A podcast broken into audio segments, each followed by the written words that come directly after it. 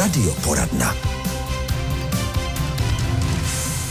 A teď už tady nejsem sama na to, což je důležité právě pro to naše dnešní téma, což je psychická odolnost. Je tu s námi psychoterapeutka, koučka Jana Kastnerová. Dobré dopoledne. Dobré dopoledne i vám, děkuji. To je hezké téma psychická odolnost. To jste nám pomáhala vybírat. Já už jsem tady četla takovou jednu definici, kterou jsem našla, ale můžeme si to každý pro sebe hmm. definovat, jak chceme. Takže třeba jako schopnost čelit náročným situacím, aniž bychom se hroutili. A protože eh, je tu nový rok, je tu čas, dejme tomu i předsevzetí nebo takových podvědomých nějakých plánů, co bychom chtěli změnit. Tak um, pojďme se teď bavit konkrétně o tom, co pro sebe můžeme udělat, ne o tom, jaký kdo máme předpoklady k psychické odolnosti a jaké máme základy třeba z rodiny, ale teď jsme v nějakém stavu tady na Prahu nového roku, každý z nás. Tak uh, jde to opravdu nějak trénovat psychická odolnost a měla byste pro nás nějaké typy nebo nějaké zásady, kterých bych se měli držet, hmm. bychom se měli držet? Uh, téma psychické odolnosti je obrovské obrovské, ale řekla bych, že je základové, takže je velmi důležité, abychom s tím měli tu čest v tom svém životě. Nebráním se i klidně novému začátku a předsevzetím ve smyslu, hele, tak jsme to odkládali, pojďme e, pro to něco udělat teď. A nikdy není pozdě, ale můžeme to udělat i v polovině roku. A e, já nejsem úplně e, člověk, který by zastával nějaké typy a triky. Každopádně je dobré um, možná začít nějakým sebepoznáním. Jako kdybychom si mapovali tu svoji životní situaci, to znamená, jak obvykle reaguji v některých situacích a co teda potřebuju zlepšit. To znamená zjistit, kde mám rezervy. A ano, tam už se hrává nějakou roli, možná i dílčí genetika, také ale něco naučené z té rodiny. To jsou takové vzorce chování v určitých stresových situacích ale potom samozřejmě eh, i poznat, jak to mám teďka, například v dospělosti. A e, to, co já považuji za úplnou základnu, je vůbec si všímat sebe a vnímat sebe, taková sebereflexe a v průběhu toho každodenního života i z těch stresových situací e, opravdu být vědom si sebe sama. Protože v tu chvíli já si můžu uvědomit, že na mě jde nějaký stres, že vstupuji do nějakého krizového momentu a já se v tu chvíli už můžu o sebe začít jinak starat. Ale pokud nejsem v kontaktu se sebou, tak já prosvištím tou stresovou situací, jsem zaplavená hormony stresu, jsem zaplavená tou celou událostí, která se mi děje a nemám vůbec šanci si pomoct. Takže já říkám, v první, eh, v první eh, vrstvě je sebepoznání a uvědomování si sebe sama a to se dá i trénovat. To jsou například různé kurzy mindfulness, všímavosti, kterým se také věnují a vím, že ty výsledky tam ty lidi mají.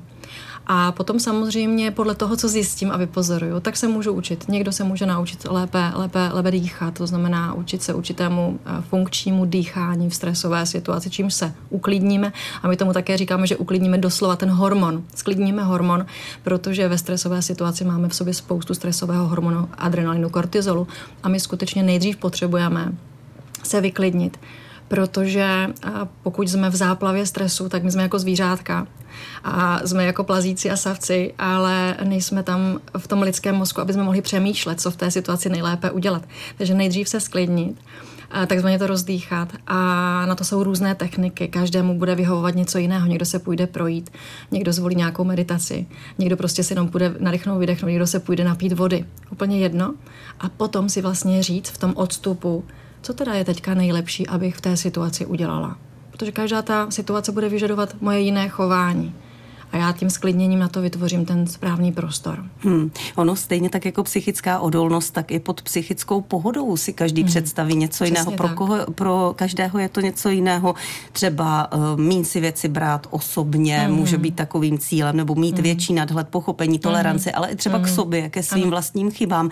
No ale jak se toho dobrat? Třeba kdybychom hmm. chtěli začít sami, hmm. než se mm, odhodláme, dejme tomu navštívit nějakého hmm. kouče nebo hmm. terapeuta, tak jsou nějaké základní otázky, které bychom si měli položit sami sobě a pak si třeba i napsat ty odpovědi? Mm-hmm. Uh, já, já bych řekla, že je jich spoustu, možná jako nechci se opakovat, ale zkuste se nejdříve pozorovat. Jo? Udělat si takový průzkum opravdu užitečný průzkup, anebo se i zpětně podívat, jak jsem reagovala v nějaké poslední stresové situaci, Takže kterou mám za teď sebou. týden si dát na to, říct si teď týden, jo, jo. nebo já nevím, do víkendu, jo, do neděle, jo. teď budu pozorovat a budu si něco Například. i poznamenávat. A nebo v posledním týdnu, dvou nebo v měsíci, co se mi stalo, jakou stresovou situací jsem prošla, nebo jakou krizovou situací a jak jsem si vedla Jo, prostě co mě vyhodilo z rovnováhy, to znamená, budu znát ty impulzy, ty stresory a jak jsem zareagovala. No, jestli jsem si vůbec byla vědomá sama sebe, jestli reagovalo moje tělo, jestli jsem reagovala panicky, hystericky, jestli jsem křičela, jestli jsem byla smutná, šla jsem do sebe, šla jsem se schovat. Prostě udělat takové pozorování, to je strašně důležitý. A je to strašně důležité, protože na to se mě bude ptát i terapeut, i coach, jakýkoliv vlastně průvodce, kterého si zvolím, se mě bude ptát na to, jaké to je, bude nás muset poznat. To znamená, to sebepoznání je, je to důležité. A uh, v podstatě potom nastupují ty další věci, to znamená řešení. Eh, neexistuje jedno řešení pro nás, pro všechny. Takže já například bych byla velmi špatný terapeut a, a i, i coach nebo psycholog, eh, pokud bych nešla nejdříve toho člověka poznat. My nemůžeme paušálně říct, udělej toto a to ti pomůže. Všichni řeknou, udělej si antistresové dýchání. Ale pokud já nevím, jak se dýchá antistresově a pokud já jsem to neskusila, když je dobře, tak mi to prostě nebude fungovat v té krizi. Jo, takže opravdu udělat to pozorování a začít si uvědomovat, co já teda potřebuju, co mi chybí v té výbavě a začít hledat cesty, jak to můžu eh, řešit pro sebe. My v tomto tématu budeme určitě pokračovat dál. Budeme ale mluvit o tom taky, jak ta zmiňovaná psychická odolnost může ovlivňovat naše vztahy, protože předpokládám, že velmi výrazně, tak třeba i jak tam by se dalo zapracovat o tom za chvíli. Téma psychické odolnosti dnes řešíme v radioporadně a to s koučkou a psychoterapeutkou Janou Kastnerovou a slíbili jsme, že se budeme věnovat i našim vztahům, protože tam vlastně to, jak jsme na tom psychicky, může hrát velikou roli, možná i zásadní třeba, když se budeme bavit potom později o rodině. Mhm. Takže my můžeme ovlivňovat druhé lidi, ale stejně tak i oni můžou ovlivňovat nás. Určitě eh, vlastně v té společnosti jsme provázaní a čím blížší ty vztahy máme, tím více se ovlivňujeme. Eh, někdy ani, aniž bychom z toho byli vědomi, anebo bychom chtěli se možná i negativně ovlivňovat. A tam vlastně je důležité si uvědomit, že my máme na tu situaci, ale i na toho druhého člověka určitý vliv.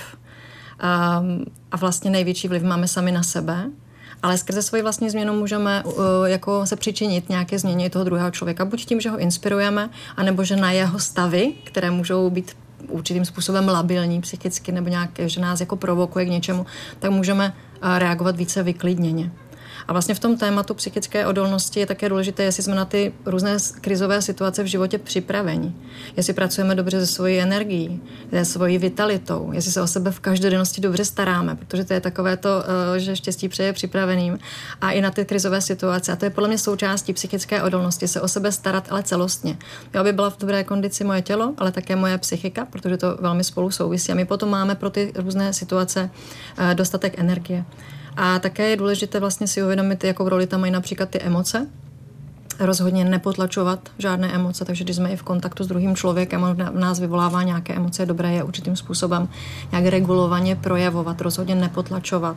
A, ale samozřejmě také eh, díky tomu klidu a uklidnění se to nepřehánět takže uh, rozhodně je i dobré a možná v rámci toho pozorování, které jsme uh, klientům nabídli nebo posluchačům, pozorovat i to, jaký lidi mě dostávají do jakých uh, psychických situací, jo? Jak, jak na mě vplývají ty druhé, co si, co si beru osobně. Uh, a jestli je to o tom člověku, nebo je to víc o mně, že zrovna mi připomíná někoho, kdo mě v životě možná ublížil nebo nějakým způsobem se ke mně nechoval hezky, tak to nemusí být nutně o tom druhém, ale že my jsme ještě nepochopili, co se máme v tom životě a v těch stazích naučit. Hmm. Tak jedna věc je, že se říká, že co budu vyzařovat, hmm. tak to se mi bude vracet. Ano. Souhlasíte s tím? V zásadě Takovou ano. V zásadě určitě energii. ano. ano hmm. určitě. A nemusíme to pojímat nějak ezotericky. Prostě je to je takový nějaký princip eh, toho, že my se eh, v životě nějak o sebe staráme, nějak k sobě přistupujeme. A rozhodně naše například emoce jsem zmínila, tak je už chemická reakce těla, to jsou hormony.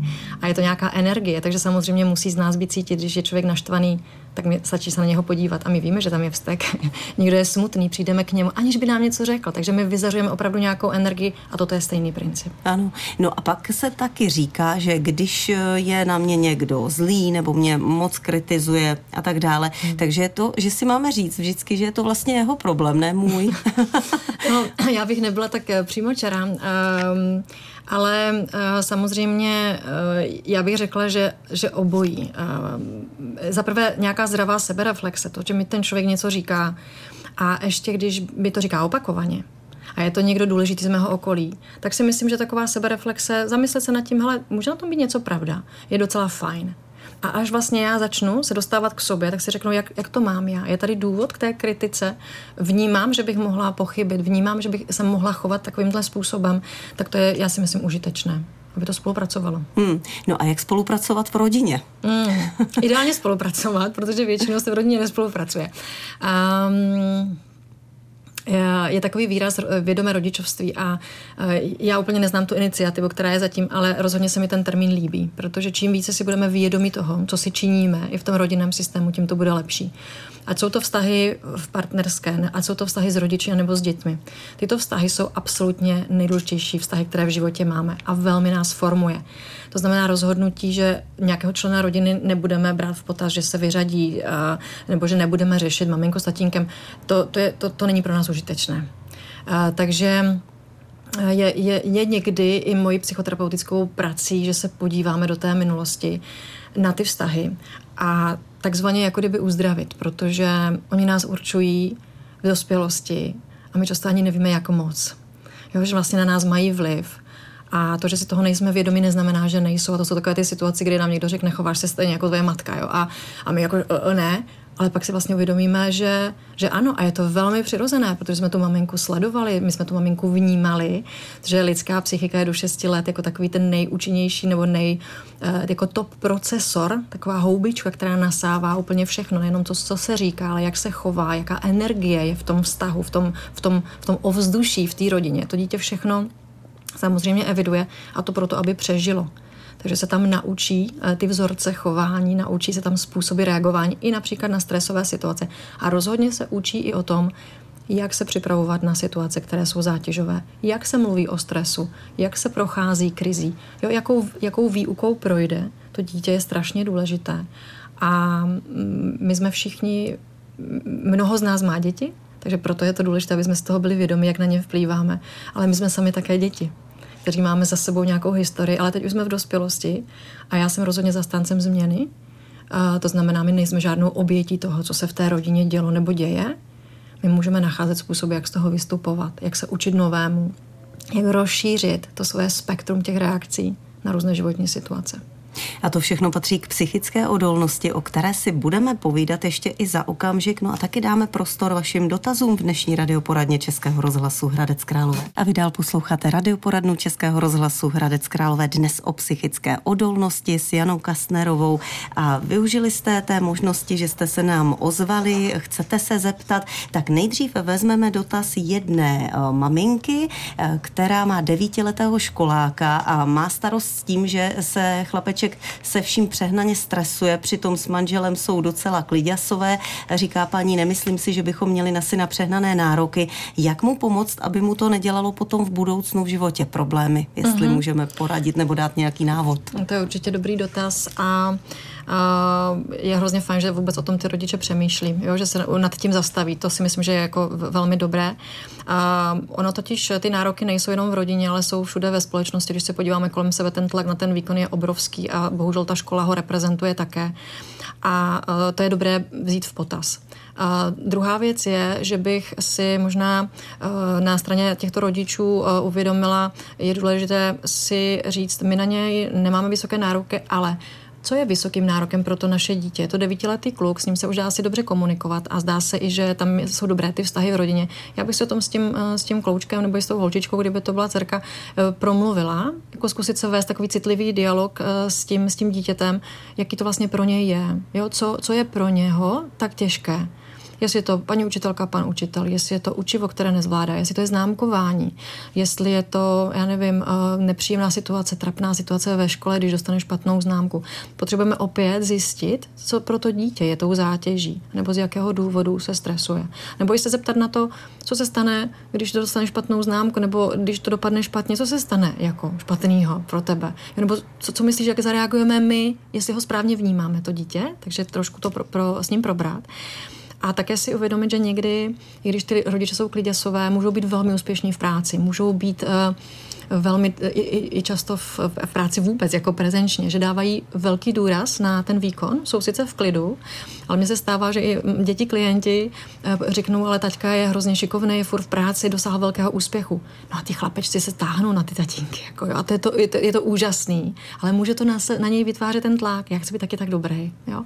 Takže my potřebujeme ale zjistit, co opravdu pro to dítě je vlastně ten tlak. A pokud se bavíme o společnosti, tak ta rodina, co nejlepšího může udělat, je poskytnout tomu dítěti laskavou uh, podporu, poskytnout uh, bezpodmínečnou lásku. A sice dostaneš pětku, fajn, tak se douč matiku, ale to neznamená, že s tebou něco špatně jsi v pořádku, my tě, my tě milujeme, máme tě rádi a chceme se eh, o tebe dobře postarat. To je absolutní základna, pro kterou by měla ta rodina být, takovým tím hnízdem toho bezpečí. A na tom se dá vždycky pracovat. Jo, prostě ano, udělali jsme mnoho chyb, rodič nedokáže dokonale vychovat svoje dítě, ale důležité je, že teď právě v tuto chvíli můžeme, dneska odpoledne přijde dítě domů ze školy, obejmeme ho, budeme s ním chvíli, dáme si s ním čajík, povykládáme si spolu. To je to nejlepší, udržet ten vztah, aby to dítě s námi komunikovalo.